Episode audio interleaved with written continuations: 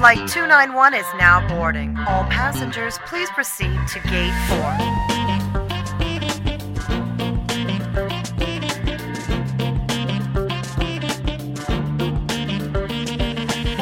Hei og hjertelig velkommen til en helt ny episode av Reiseklar med EF, denne podkasten som er skapt for deg som elsker å reise og oppleve verden. Hvis du er ny til denne podkasten, så er navnet mitt Håkon Borge Fredriksen, og da jeg var bare 16 år, tok jeg sjøl valget om å reise på utveksling i et helt år sammen med EF. Nå er jeg 24 år, og nå er jeg klar for å lede denne podkasten sammen med dere, og vi skal ha en ny gjest hver eneste uke som skal fortelle sin unike reiseopplevelse med oss, og dere skal få et realistisk innblikk i hvordan det faktisk er å reise med EF. Dagens tema skal handle om den aller første tida på utveksling, for jeg vet sjøl at det er ganske mange som syns den kan være litt skremmende og utfordrende. For du er jo helt ny i et nytt fremmed land, det er nytt språk, ny kultur, ny skolehverdag og en helt ny familie. Og Derfor er Nicolas Kvinge dagens gjest for å snakke om akkurat det her. Og vi skal snakke om bl.a. hvordan er det å faktisk komme til en helt ny, ukjent vertsfamilie? Hvordan er det å gå på high school og ha første skoledag? Og hvordan får man egentlig venner i USA?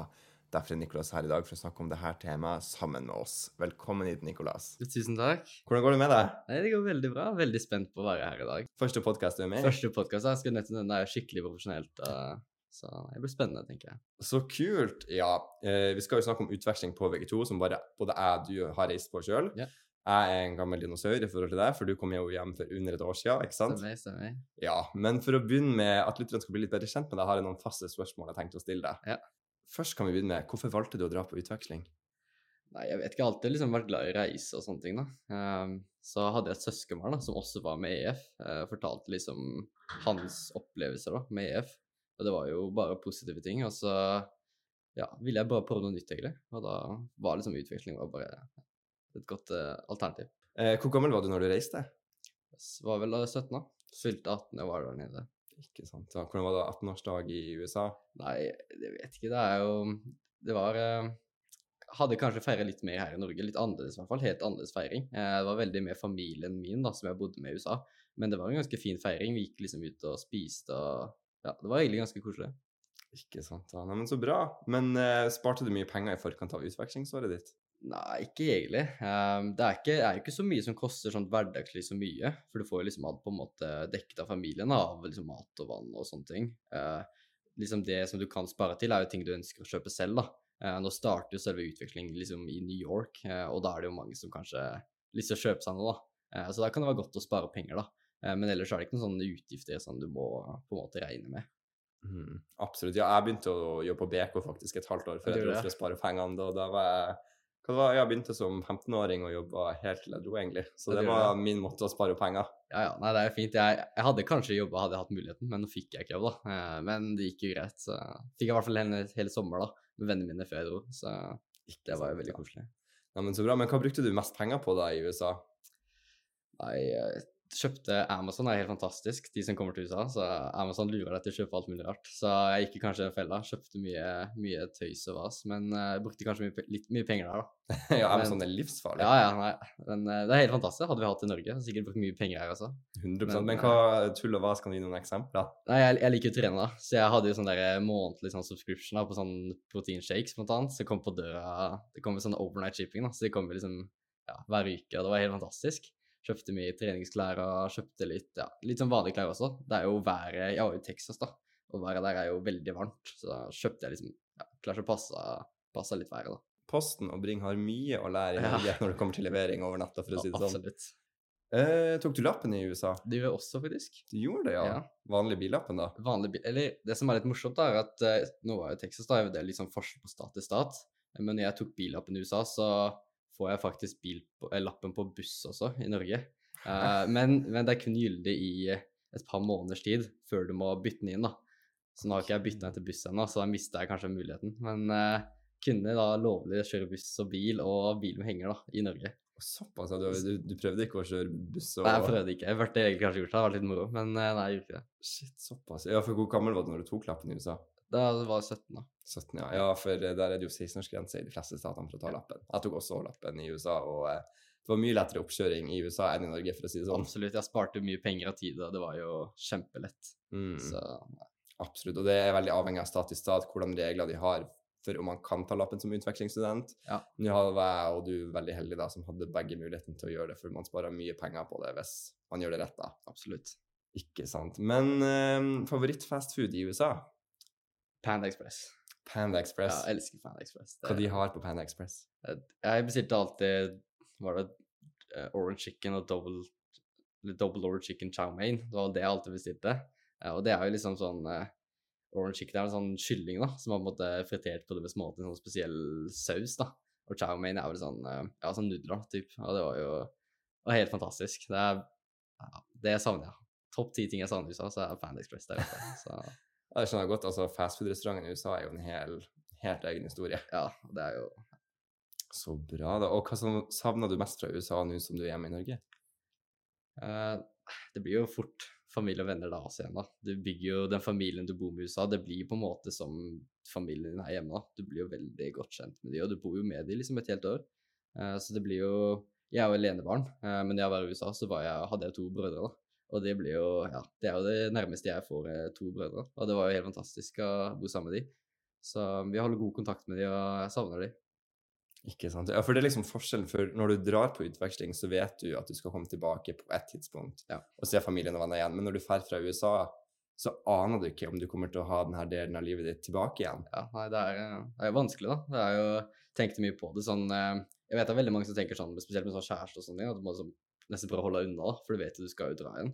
Uh, men de som er på en måte dine nærmeste venner, da, du vil liksom klare å holde kontakt, da, spesielt nå så er det mye lettere med sånn teknologi og alle sånne ting. Og jeg vet om flere som har allerede reist tilbake. Uh, jeg har jo møtt uh, vertsbroren min igjen.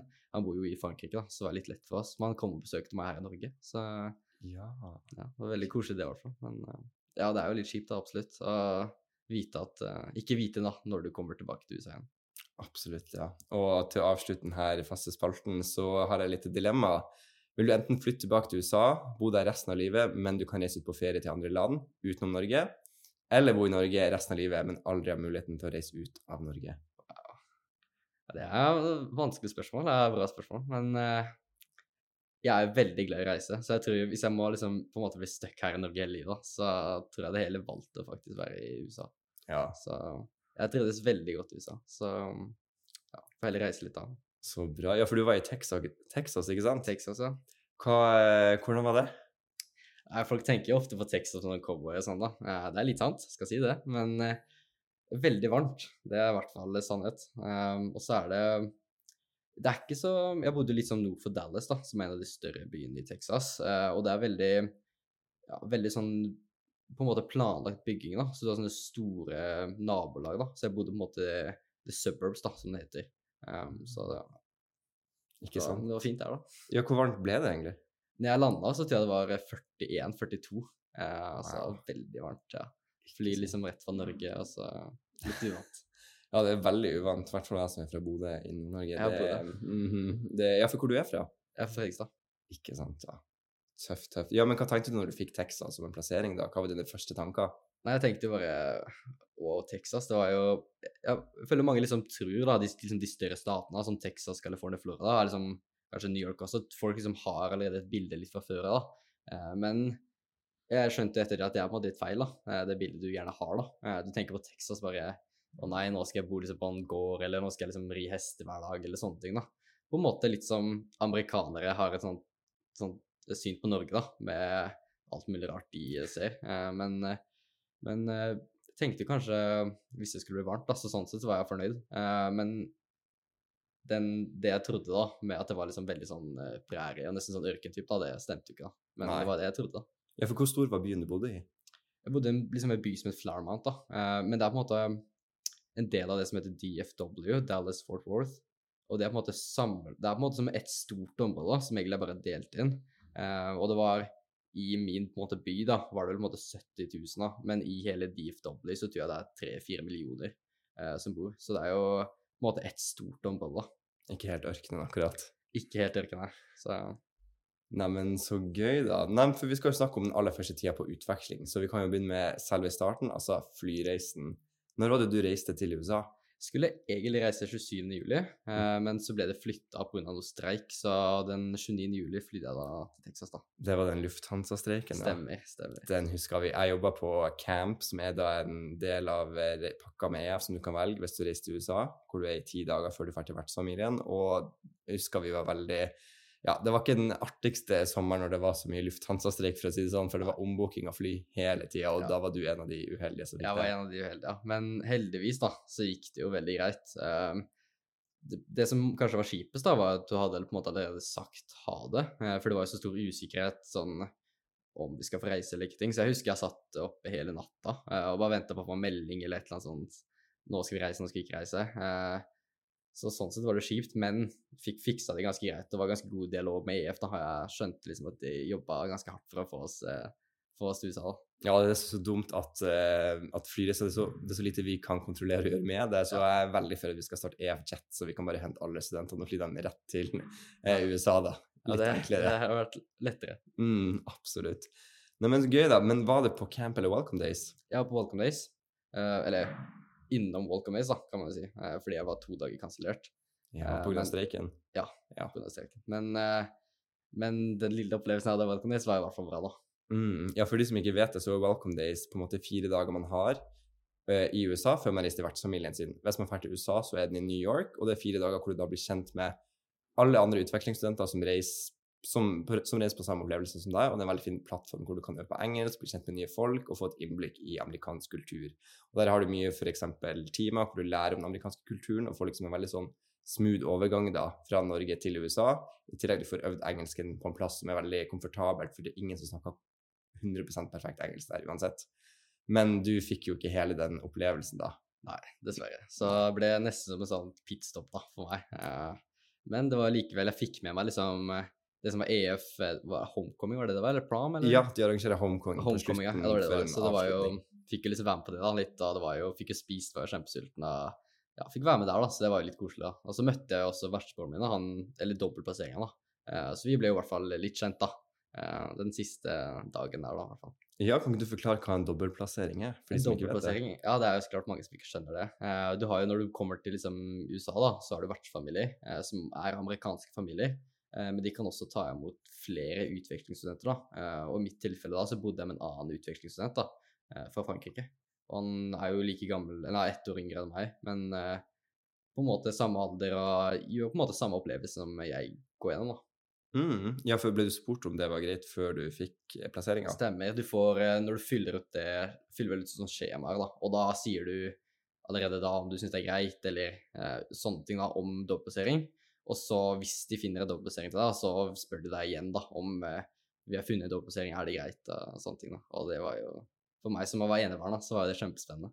Ja, ja, ja, for var du, var du rett på ja, eller var du litt sånn hm, vil jeg være Nei, alene? Jeg var helt på ja. Det var eh, Og det angrer jeg ikke på. Det var kjempeløst å bo sammen med noen andre. Vi gikk liksom hjem, gjennom liksom alt sammen, da. Så Ikke sant? Ja, for det er jo det, du har jo en stor trygghet med noen som vet akkurat hva du går gjennom hele tida, med både vertsfamilie, skole og det å være europeer i USA.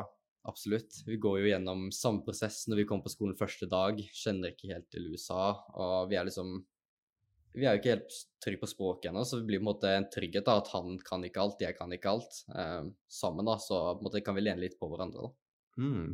Men reisen, da? altså Mange er jo veldig redd for å kanskje fly alene for første gang, fordi at det er jo en lang flyreise. Du har gjerne et stopp i Europa før du drar rett til Ja. New York. Um, men reiser du alene fra Gardermoen?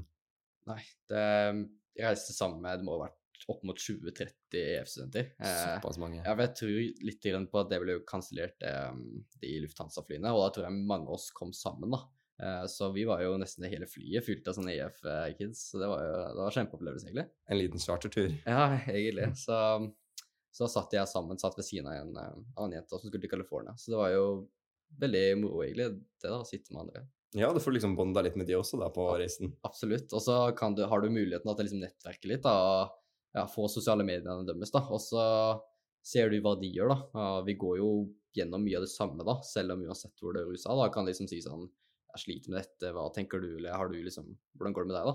Ja, det er fantastisk. Ja, det er veldig unikt. Og det er jo det man får på sånn camp og welcome days og sånne flyreiser, Ja. for det er veldig sjelden jeg tror noen faktisk reiser helt alene fra Gardermoen. Ja, nei, Jeg det, jeg hørte ikke, jeg tror ikke jeg hørte om noen som gjorde det, i hvert fall. Nei, nei, jeg tror vi også var sånn 15 stykker når jeg reiste i 2016, som er, det er jo mange år siden, men er fortsatt like relevant, I guess.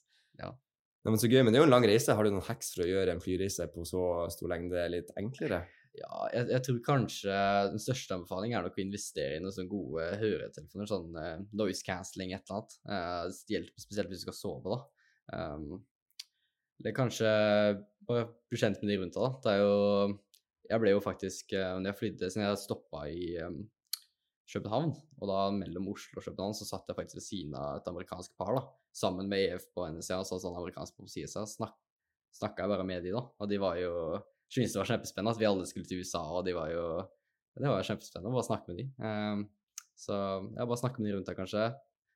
Investere i noe headset eller eller annet. Um, også noe jeg pleier å gjøre, da, er å prøve å være litt sånn produktiv da, når jeg bare sitter der, er å gå gjennom kamerarull og bare slette alt jeg ikke trenger. da. Uh, for det er mye du tar bilder av som du ikke har behov for senere. da. Jeg kjenner meg veldig igjen i det der. Jeg har Ja. også sletta bare bildene sine på fly, for jeg har ikke så mye annet å gjøre. Ja. Og noise cancelling, verden har ikke vært den samme siden de kom på markedet, helt Ja, ærlig. Hvis ikke så er det jo egentlig Du har jo ofte sånn film og sånn, spesielt på lengre distanser. Så det er ikke, er ikke så ille, egentlig. Jeg, jeg hadde det egentlig ganske greit, jeg. Nice, nice. Ja, man finner alltid noen nyttårsvideoer eller bilder man kan slette og fyrverkeri som Ja, man aldri ser igjen. Absolutt. 100% Men du var innom Welcome Days en liten tur før du for til vertsfamilien i Texas. Reiste du alene dit, eller var det flere som for i lag? Nei, det var jo mange som skulle til Texas, egentlig. Eh, Det var et par norske, og så var det jo han vertsbroren min, da. Eh, Så vi flydde jo sammen hele veien, da, og ble plukka opp sammen og sånne ting. Eh, Men ja, det tror jeg eh, veldig mange skal til Texas, så jeg er litt usikker på den andre staten. Men vi var i hvert fall en stor gruppe som egentlig reiste sammen fra New York også til Texas, da. Ikke sant? Ja, nei, men Så deilig. Da er man jo veldig betrygga i at man har liksom en liten gjeng å belage seg på hvis noe skal gå galt. Absolutt. Ikke sant. Men eh, hvordan var det å ankomme Texas, da? Nei, det var jo Det var jo på en måte kjempekult, da. Og nå, shit, det er Texas, liksom. Eh, så jeg husker jo vi kom og Jeg og vertsbroren min hadde jo liksom bånda gjennom hele flyet, da. Så vi ble jo liksom bare mer og mer kjent. Og, og så kom vi ut, da, så blir det liksom Først så møter vi vertsfaren vår, da, som står der med sånn skilt, og det blir jo skikkelig sånn Føler deg skikkelig velkommen, da. Så kommer du ut, og så er det Det er så annerledes da, fra Norge. Eh, og New York også. Texas er jo Texas er noe for seg sjøl. Alt er liksom kjempestort, og bilene er større, det er kjempevarmt ute. Det var veldig spennende, egentlig. Det tror jeg på. Men altså, det å komme til en ny familie du egentlig aldri har møtt før, og du skal bo der i et helt år, hvordan er det på en måte å komme hjem dit og bare Å, her skal jeg bo. Ja, det er jo litt sånn eh, litt sånn rart, liksom. Eh, starten så føler jeg Kanskje du føler på at du Det her, det her er ikke hjemmet mitt, liksom. Bare litt sånn rart, og du er litt forsiktig og sånne ting. Jeg gikk gjennom på så gikk jeg gjennom mine minner på Snap, da, og så liksom Jeg jeg husker jeg blogga litt til meg selv, og jeg prøvde liksom Ja, så jeg kunne se tilbake, da. Og da skrev jeg blant annet at eh, jeg husker det jeg var liksom usikker på starten av, var det med når vi skulle gå ut og spise, da. eh, Og hvordan hvem betaler og sånne ting. Eh, Men det går seg liksom til egentlig ganske naturlig, eh, så det er ikke noe liksom å bekymre deg for, da. Eh, måte, og hvis du skulle være lure på noe, så er det egentlig bare å spørre. Eh, det blir jo på en måte familien din, så du, blir kjempegodt kjent med de, og, og i mitt tilfelle da, så trivdes jeg veldig godt med familien min, og det gikk seg til ganske naturlig. da. Det tar ikke så lang tid før du begynner å lage deg mat sjøl og ta godteri og sånne ting. Det går ganske fort. Det var et godteriskap. Det var det, absolutt. Og de er store i Texas. Så. Ja, 100 Ja, for hvem som endte opp med å betale på restaurant, da? Nei, vi, vi, de var ganske åpne med det og hadde sånn um, Når de inviterte oss, da, når, vi liksom, når de planla at vi skulle ut og spise, så betalte de. Men hvis vi liksom skulle kjøre et sted eller bare Ja, det var liksom litt sånn mer uformelt uh, tur til ut og spise, da, så betalte vi, da. Mm. Uh, betalte selv. Men uh, fleste gangene så spanderte de på oss, da. Ja. Uh, men det er jo forskjellig til vertsfamilie og vertsfamilie, da. Men da må du bare spørre de, da. Så går det greit. Absolutt, ja. Ja, for det å bli komfortabel er litt sånn rart at du liksom skal bare begynne å ta ut av kjøleskapet. Og det var der jeg huska når jeg ble komfortabel, var når jeg kunne gå i kjøleskapet og hente matvarer og bare lage meg mat uten å måtte spørre om det. Ja. Da følte jeg meg veldig sånn hjemme, da, på en Ja. måte. Men det er jo litt rart å skal liksom dusje første dagen, og det er litt sånn nei, kan jeg ta en dusj? Ja, ja, nei, det blir jo litt sånn og så bare Håndkle, kan jeg ta det, og det blir sånn Ja, det er litt rart. Men eh, der igjen, da, så det at jeg hadde dobbeltplassering, da, og vi kunne liksom lene oss litt på hverandre, da. Og så når jeg så han begynte å ta godteri, da, så bare Ja, da kan jeg også ta det, da. Og så hvis jeg blir tatt, så får jeg bare skylde på han, liksom. Så, ja, så det er veldig betryggende å ha en annen å bo med, da. Ikke sant? Ja, Men hvem besto vertsfamilien av? Var det flere søsken, eller var det bare vertsmor og vertsfar? Det var vertsmor og vertsfar, og så en eh, vertsbror da, som var fra USA. Eh, 2008, da, så han var freshman, da, eh, og jeg var junior, da. Eh, og i USA så har du da fire, fire år, da. Du er junior, sophomore Nei, freshman, sophomore, junior, senior, da. Så jeg var på en måte nest siste året han nettopp starta på high school. Eh, og så var det den andre vertsbroren min da, som eh, var dobbeltplassering, og han gikk jo da junior da, sammen med meg. da. Mm. Nei, men Så kjekt. Du får, du får jo egentlig det beste av begge verdener. Du får jo på en måte den amerikanske kulturen, men du blir også kjent med den franske kulturen i tillegg. Absolutt. Det var jo De var planlegger nå å besøke han igjen i Frankrike, så jeg tror det med å liksom nettverke seg litt med andre utviklingssenter rundt i Europa, at det er veldig smart. Da kan du jo liksom besøke de, da, og de besøker deg. og Nei, du lærer ikke bare om USA, da, men du lærer også om alle de andre kulturene igjen. da. Um, fordi spesielt i min sånn gruppe da, eh, med utvekslingsstudenter i Texas, da, hadde vi ganske tett samhold. Jeg ble ganske godt kjent med de. Ikke sant. Ja, for det er ofte veldig mange EF-studenter på samme område, på en måte. Var det sånn en eh, lokalstøtte som hadde liksom sånne sammenkomster, sammenkomst, eller var det sånn dere møtte på egen hånd? Nei, vi hadde Nå har du jo liksom det som heter ISC, da. Eh, det er vel International Exchange Coordinator, som er på en måte noe som passer på deg da, mens du er på en måte på utstilling. Um, og min IEC var veldig flink til å liksom Sammen med vertsmoren min, da. For hun var IEC for noen andre studenter. Og så Mhm. var ja, da, min, min IEC student for meg og noen andre studenter igjen, da.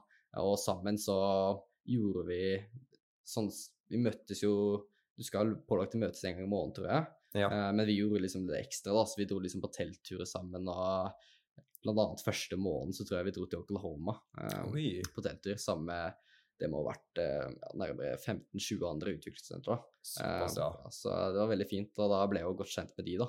Eh, og liksom fikk liksom snappen deres, og så skal vi snakke litt om hvordan vi ja, har det gjennom utviklingsåret vårt, da. Veldig kjekt. Ja, for det er liksom ISN er på en måte din lokalstøtte, som du sa, som skal ha kontakt hver måned og møtes så og så mange ganger. Og ofte kan de arrangere sånne sammenkomster. da. Det kommer veldig an, an på ISC til ISC. da. Men det hørtes ut som din var ganske på å lage arrangementer, da. Absolutt. Jeg dro jo faktisk eh, helt til California med min ISC. Så vi kjørte jo fra Texas eh, helt til eh, San, San Diego. Ikke Så- sant? Ja. Så tøft. Ja. Men eh, altså, USA er ganske forskjellig fra Norge. Hvordan var det på en måte å komme til USA? Fikk du noe kultursjokk eller noe sånt? Ja, du får jo kultursjokk gjennom hele, hele året ditt. Det er jo ikke sånn bare første måned, men helt til siste slutt så får du kultursjokk hele tida. Eh, Noe av det første da som traff meg, var eh, det med skole. Eh, Men ikke bare liksom når jeg begynte på skolen, men allerede før jeg begynte igjen. da. For du skal jo velge fag til skolen. da. Eh, Og er også det her som kom inn med å få godkjent ikke, da, så du må passe på at du velger riktig fag. Men jeg ble skikkelig overraska hvor mange muligheter du har. Du har jo Vi hadde sånne der, um, ekstra campuses, da, som er sånn Tech West og Tech East, hvor du har litt annet enn bare de teoretiske fagene. da. Og der kunne jeg blant annet studere sånn criminology og sånne ting, hvor du tar sånn fingerprint og så vet, sånn um, veterinarian og alt, alt mulig rart, egentlig. Det var Wow. ja. Ja, hvordan andre typer fag var det? Det hørtes jo veldig kult ut. da Criminology. Nå fikk jeg lyst til det. ja. Nei, jeg hadde skikkelig lyst til å velge det, men uh, med tanke på hvordan jeg skulle få fagene godkjent og sånne ting, da, så må det også passe litt med tider og sånne ting. Uh, altså, jeg fikk ikke valgt noen av de fagene her, men også mange av de også litt uh, fag som gikk over litt lengre tid, da. Mange av dem kunne du ha, måtte eksempel ha i to år, da. Eh, for jeg tror det handler litt om at um, du skal liksom investere i deg, da, så da må du på en måte gjøre litt over lengre tid, da. Men eh, du snakket litt om skole. Hvordan var liksom en typisk skolehverdag for deg, da? Ja, så um, på skolen min, da, det spørs litt på skole til skole, men vi hadde four periods, altså fire fortellede deler, da. Um, og da har du samme fag hver dag i et helt år, før du bytter igjen, da. Um, og så kan du, du, kan, du kan ha det et helt semester, altså hele liksom, halvåret, da, at du har bare to bulker. Eller så kan du ha litt mindre fag, da, men det spørs litt hva du velger. Um, men jeg hadde sånn at jeg hadde fagene et halvt år, og så bytta jeg. Uh, og for meg så starta jeg første dagen, eller første time med bryting. Um, og det er jo helt annerledes fra Norge, hvordan det liksom er en del av skolen.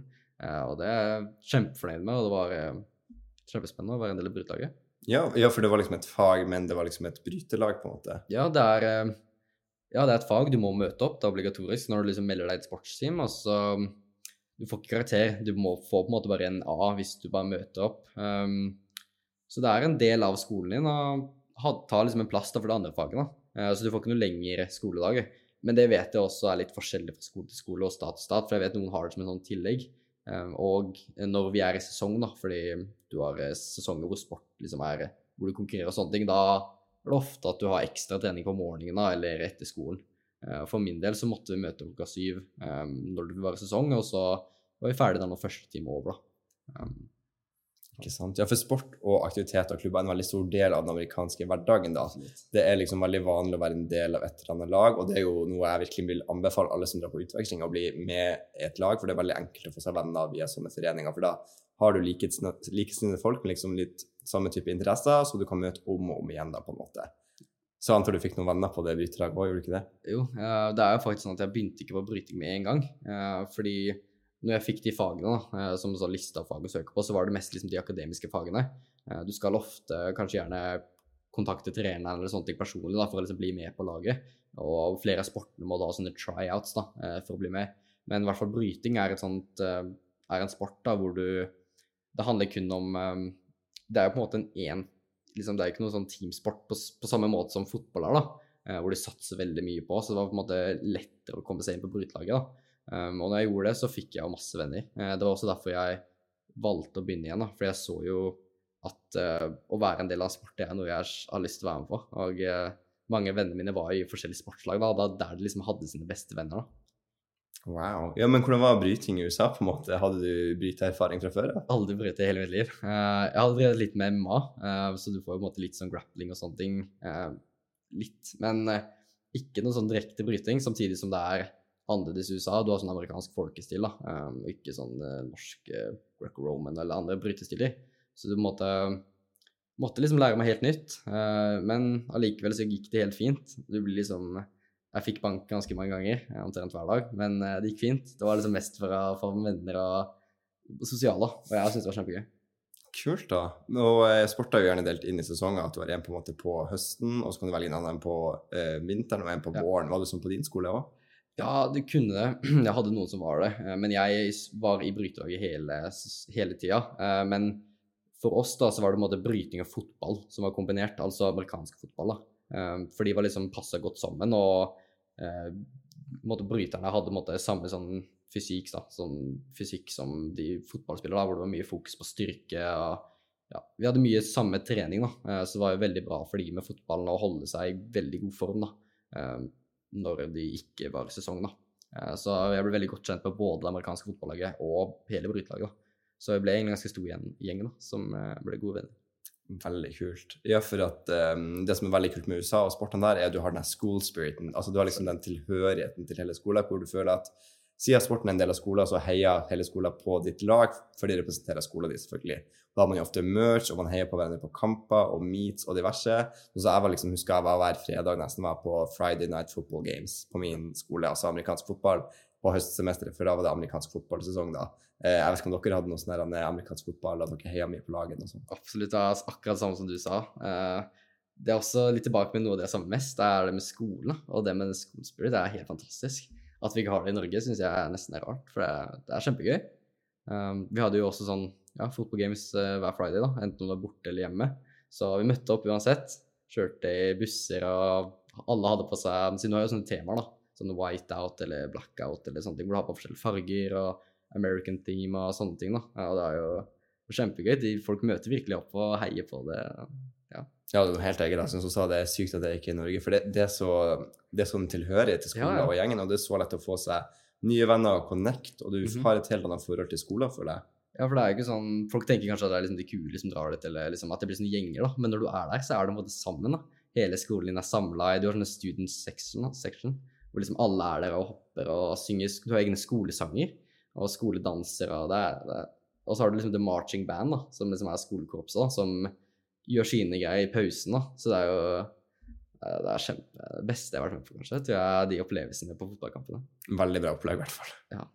Ikke sant. Men uh, hvordan ellers var skolen? Du sier først hadde du bryting. og Hvordan besto skoledagen av ellers? Så jeg starta med bryting, um, og så hadde jeg første semester, da, i hvert fall så hadde jeg US History. Og så etter US History så hadde jeg engelsk 2, og så hadde jeg spansk, da. Uh, og det var jo I Texas så er det krav at du tar US History og engelsk, i hvert fall for utviklingsstudenter. Det spørs vel litt hvem stat du er i, men eh, ja, jeg hadde de fagene, og det var eh, Jeg tror det er veldig bra fag for utvekslingsstudenter å ta. Når du lærer US History, så lærer du jo det er jo kanskje historie du ikke ellers hadde lært i Norge. Eh, og engelsk er jo fordeler å bare lære seg bli enda bedre på engelsk. Ja, og engelsk i USA blir jo på en måte som norsk i Norge, på en måte. Ja. At det liksom ikke er sånn du lærer deg 'Hei, how are you?', men man lærer på en måte engelsk som man ville lært norsk i Norge, på en måte. Ja, vi, mye sånn som norsken er i Norge i dag, med, vi hadde mye sånn litteratur, da, analyse av tekster og sånne ting. Uh, men det var ikke man, selv om jeg måtte være utviklingsstudent, så var det ikke sånn at eh, jeg falt ut, på en måte. Uh, fordi du må jo ikke nødvendigvis være best til uttale. For det er jo ikke sånn i norsken at de påpeker om du uttaler noe bra, på en måte. Eh, som du sier, da, det er både norsk i Norge og engelsk i ja, USA.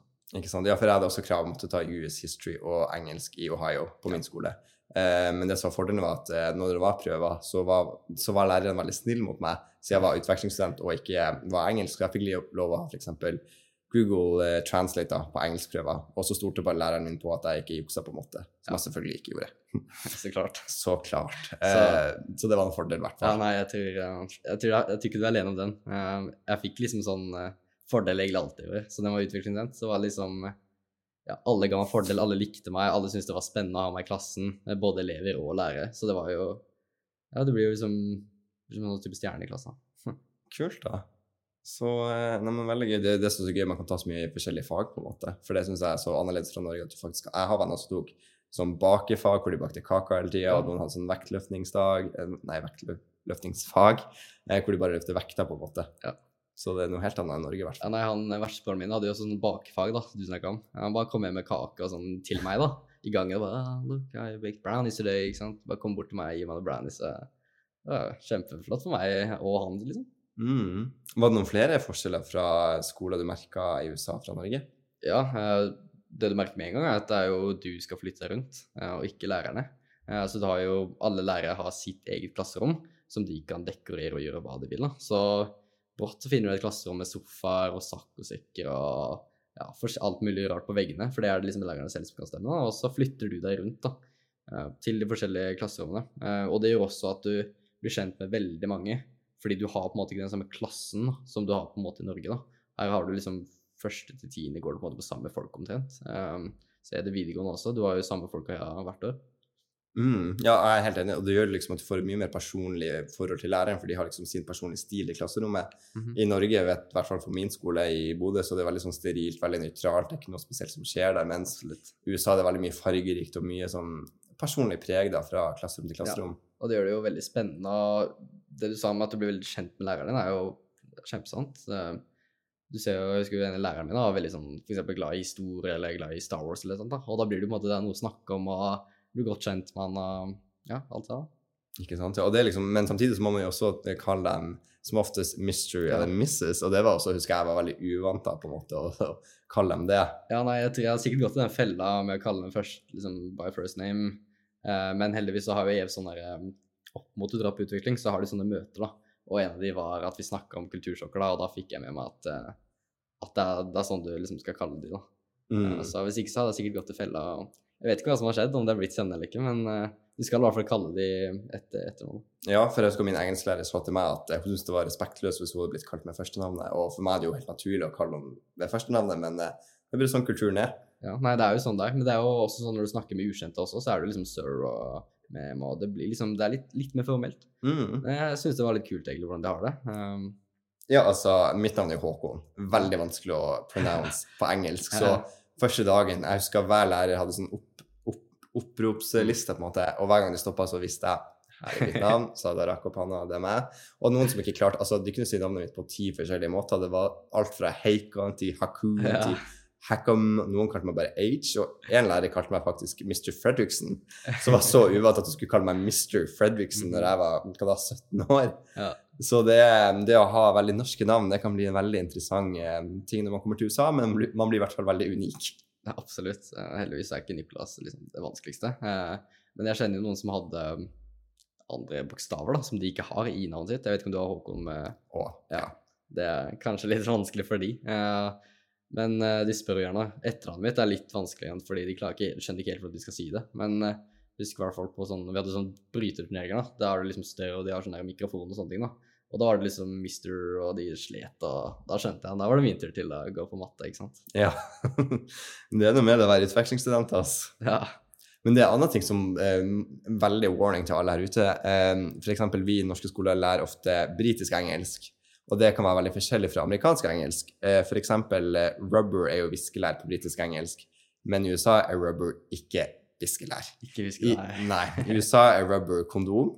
Så det er en veldig warning til alle som skal til USA og gå på skole der. Ikke spør om en rubber høyt i klasserommet, for da spør du basically læreren om kan jeg få en kondom, og da kommer mest sannsynlig alle til å le, så heller ta og spør eh, eraser er det vel, som blir mest brukt i USA. Ja. Heller gå for eraser, ikke rubber. Og det kan være sånne småfeller man kan falle i, så gjerne på en måte sjekk det ut før man reiser. Jeg hadde en eh, venn som gikk akkurat den feilen der, eh, fra Spania, som eh, ja, fikk høre den i lunsjen. Bare shit, hva har jeg gjort nå, liksom? Mhm, Nei, den er, den er litt dum å falle i den fallgruva der. Men det er jo sånn det vi lærer på om det er britisk engelsk. Ja, nei, det er jo sånn det er. Så Mm. også påpeke liksom, de amerikanske vennene og sier det feil, og sånn al aluminium, sånn aluminum og aluminium eller et eller annet, så jeg vet ikke hvor vi sier det, men eh, det er forskjellen i hvert fall. Ja, ja, 100 Ja. Men hvordan var liksom første skoledag? For det vet jeg mange kan være litt nervøse for. for Hvordan er det å komme inn i en ny skole hvor man eh, kanskje ikke kjenner noen? Nei, da har vi også den fordelen igjen, da, med at vi ikke har den samme klassen da, som de i Norge. Eh, Fordi når jeg kommer til første skole, da, så er det ikke bare jeg som er ny, det er på en måte alle som er nye, da. Eh, og det, sånn var det hver gang jeg begynte i nytt fag. Um, så det blir på en måte Ja, de starter med sånn sånn som en måte man er i Norge, da. Sånn liksom man skal liksom bli kjent med hverandre, da. Eh, og det ble jeg da. Så fikk jeg allerede i min første klasse fikk jeg liksom tre av mine beste venner da, som jeg var med gjennom hele utviklingsåret mitt. Såpass, ja. Men hvordan fikk du eh, For det er mange som er nervøse. Ok, hvordan, Var det du som tok kontakt? Var det de? Hvordan gjorde du det? Ja, du må på en måte lære å by litt på deg selv. Spille det kortet at du er en utviklingsstudent. Det hjelper veldig. Um, for meg så var det sånn at jeg var en av de første som kom på skolen, um, og da bare satte jeg meg på en tilfeldig pult, og vi hadde sånne um, større pulter, da, så det satt liksom fire og fire sammen, da. Um, og jeg bare satte meg der, og så bare satte det seg noen folk med meg, og de amerikanere er veldig, de snakker for seg, og bare, ja, hvem er du, og de innser at vi skal, vi skal jo ha et fag et halvt år sammen, så vi må jo bare bli venner. Så begynte vi å snakke, og med en gang jeg liksom sier utviklingsstudent, da, så er de, de er jo helt, eh, helt oppe, liksom. Det er, Mm. Amerikanere er veldig glad i å snakke og bli kjent med nye folk, så Absolutt. å bruke det kortet at man er utvekslingsstudent, er prima. Ja, det har vi brukt mye. Så gøy, så gøy. Men uh, man bytter jo eh, som sagt klasse hele tida. Men uh, hvordan var lunsjen? For det vet jeg mange er litt sånn bekymra over. Kommer man til å sitte alene i lunsjen eller ikke? Fordi hvert fall på min skole hadde vi forskjellige lunsjperioder, Ja. så at du kanskje ikke endte opp i samme lunsjperiode som kanskje vertsbroren din eller vertssøster eller noen venner fra første time, at de hadde helt andre lunsjtimer enn deg. Ja. Nei, samme som oss. Vi hadde fire forskjellige lunsjperioder. Uh, men jeg var jo faktisk så heldig at jeg hadde lunsj samtidig som uh, vertsbroren min. Uh, så da satt jeg med han. Uh, men jeg satt jo ikke bare meg og han. Vi hadde jo vi hadde liksom plukka med oss noen venner her og der. Da. Så jeg plukka med noen venner som jeg var først med i first period. Da. Og han hadde liksom plukka med han noen venner. Da. Og så bare sitter vi og lunsj sammen, da. og så er plutselig vi alle venner. da. For det er jo ikke ja, Amerikanere de snakker liksom De er ikke sånn som i Norge, hvor de er så introverte. Snakker med hverandre. Men hvordan var lunsjen? Var den sånn veldig amerikansk high school, så man tenker at å, der sitter fotballgutta, der sitter cheerleaderne? Hvordan var det, på en måte? Egentlig så det er en sannhet i syns jeg. Uh, spesielt sånn hvordan hele er oppsatt. da. Du har det store lunsjbordene overalt. da, så er det sånn stor kantine. og Veldig sånn du ser på film, egentlig. Uh, og så har du ofte sånn at sport sitter sammen. Uh, men jeg var jo ikke i noe sport, så da ble det ble bare det jeg satt sammen med. da. Men det med at vi har fire forskjellige perioder, da, gjør jo at hele sportslaget er jo ikke sammen. Eh, det, det er bare ikke sånn det er. Eh, men du sitter på en måte de du er venn med, da, og de som er sammen i sport, blir ofte gode venner sammen. da. Eh, Så det blir sånn naturlig.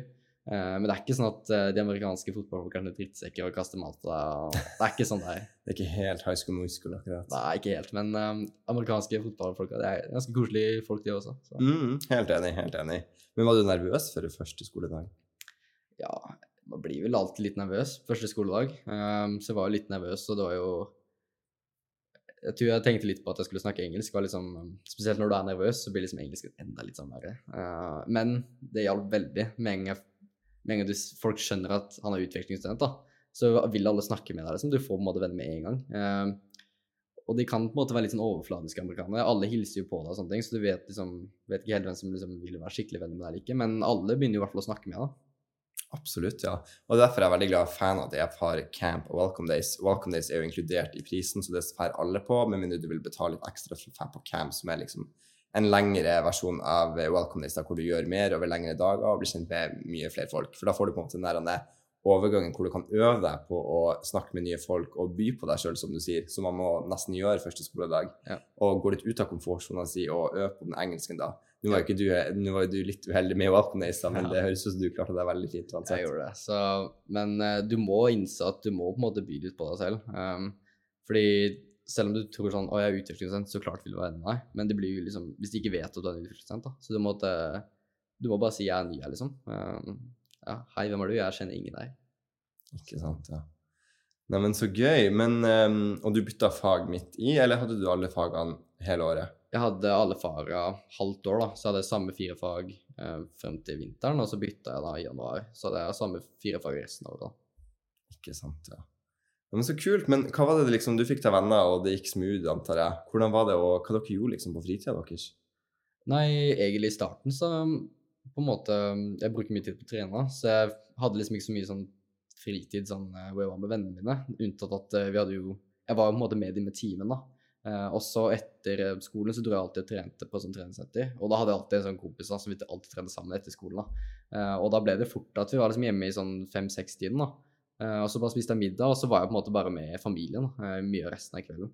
I hvert fall i starten av året. Men etter hvert som jeg ble mer kjent, da, så var det fort at vi dro til kompis sitt hus og hang der hele dagen. og Veldig kult. Ja, hva du og vertsfamilien gjorde da? Var det noe spesielt dere brukte å gjøre, eller var det litt sånn random?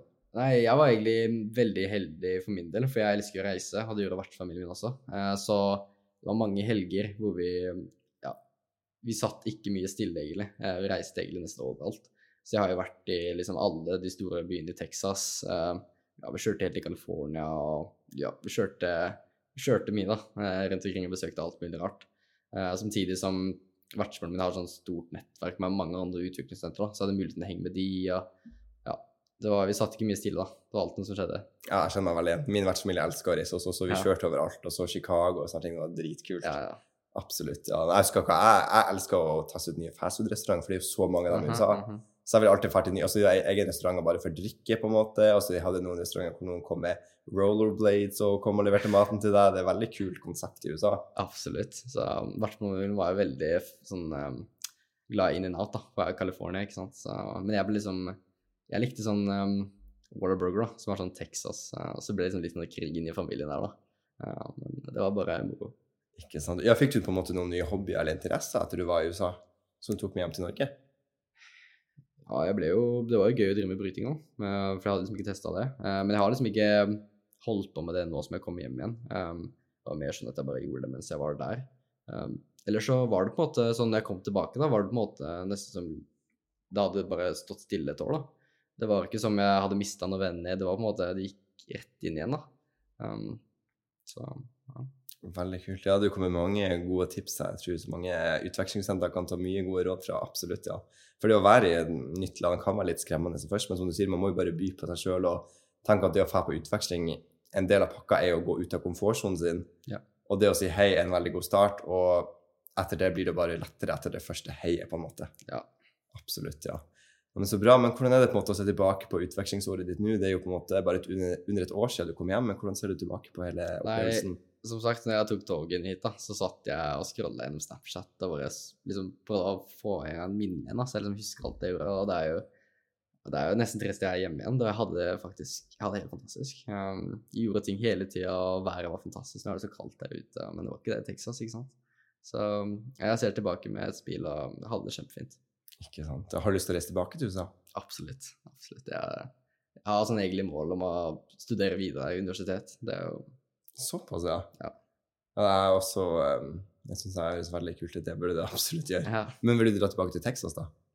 Ja, Texas er kjempefint. Fikk mange venner i Texas. Eh, mange store universiteter der. Og siden jeg gikk liksom De på min aldersgruppe begynte jo liksom å tenke på universiteter. Så jeg på en måte Selv om jeg ikke gikk gjennom prosessen selv, da, eh, så hadde vi jo mye møter av eh, tidligere studenter som går på andre universiteter nå, som snakka liksom godt om sine universiteter. Så jeg liksom følte liksom at jeg også skulle gjøre det, egentlig. Sånn, eh, Fader, jeg skal hjem igjen, liksom. Ikke sant, ja. Nei, men Tusen takk, Niklas, for at du tok deg tid til å komme til denne podkasten. Vi satte veldig pris på at du tok deg tid, og jeg tror du kommer med mange gode råd her til framtidige studenter. Absolutt. Og hvis du er mer interessert i EF, er det bare å sjekke ut ef.no. Her kan du finne mer informasjon, brosjyrer, kontaktinfo og enda flere historier fra EF. Og hvis det er tema eller noe du ønsker å høre i denne podden, er det bare å sende oss en DM på Instagram, EF Norge og EF Utveksling. Og gjerne følg oss både der og på TikTok og på Snapchat. Vi ses.